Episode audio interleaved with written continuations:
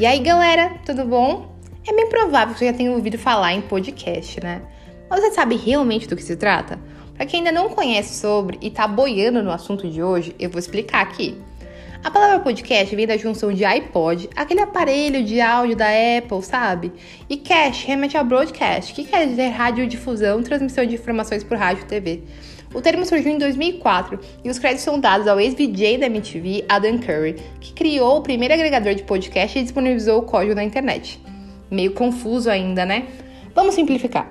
Um podcast nada mais é do que um programa de rádio, mas com uma enorme vantagem. O conteúdo é totalmente sobre demanda. Você pode ouvir o que você quiser, na hora que você sentir à vontade, basta acessar e clicar no play ou baixar o episódio para ouvir offline.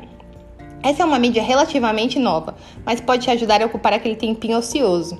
É uma boa pedida para quando você estiver no ônibus, indo para a escola, fazendo aquela corrida e até mesmo tomando banho, né? Quem sabe?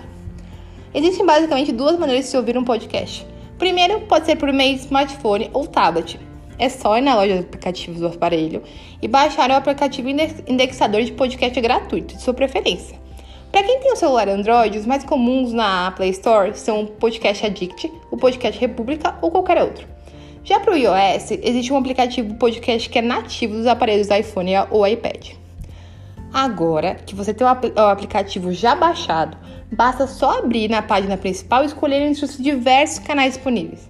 A maioria se dedica à cultura pop nerd, como é o caso do maior podcast do Brasil e um dos maiores no mundo, que é o Nerdcast, com 347 mil downloads por episódio. Pra caramba, né?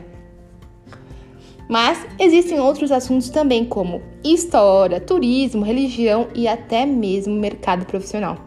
Você também pode criar um podcast, sabia?